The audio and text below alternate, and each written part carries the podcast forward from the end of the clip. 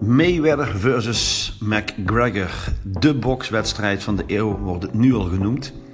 En uh, ja, goed, daar wilde ik het eigenlijk met je over hebben. Mayweather heeft juist gewonnen. Ik ben vanochtend op tijd opgestaan en uh, ik was nog aan het kijken naar een uh, best wel eigenlijk een, een, een, een lang voor, voorwedstrijd. Die, die duurde allemaal langer dan, dan ik had gedacht. Maar uiteindelijk kwam dan de match, de grote wedstrijd van uh, Mayweather versus uh, McGregor. Wat een wedstrijd, jongens. En, en wat een geld, hè? Wat een geld gaat er om in, in dat soort evenementen. Ik geloof iets van 220 miljoen werd er verdeeld, waarvan Mayweather 70% zou hebben gekregen. Dus dat is grofweg 140, 150 miljoen.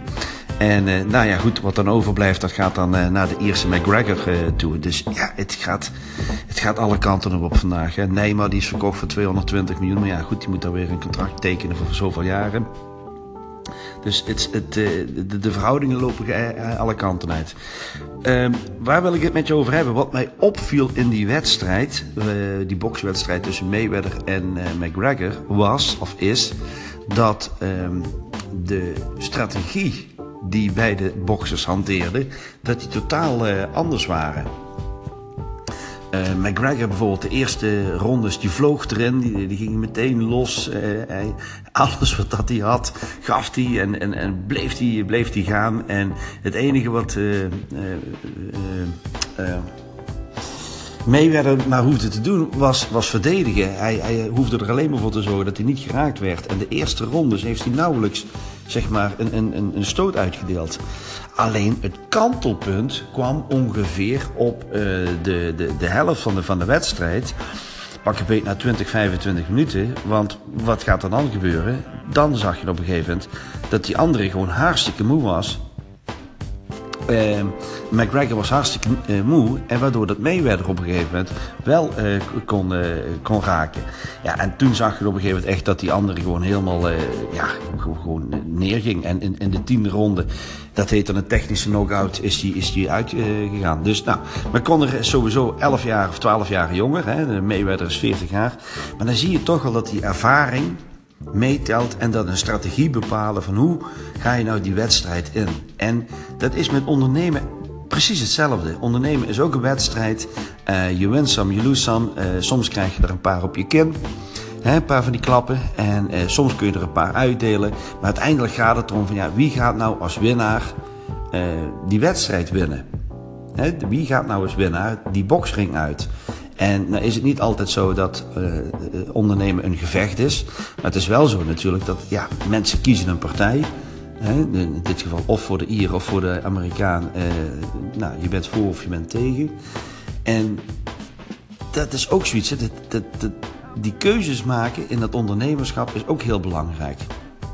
Dus hoe krijg je nou de mensen aan jouw kant? Want ja, laten we eerlijk wezen, 220 miljoen ja, dat kon alleen maar betaald worden volgens mij door uh, de dure uh, pay-per-view uh, wedstrijd. Dus er zit een hele strategie zit erachter om A aan dat geld te komen.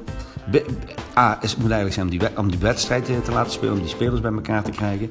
B is natuurlijk om dat geld bij elkaar te, te krijgen.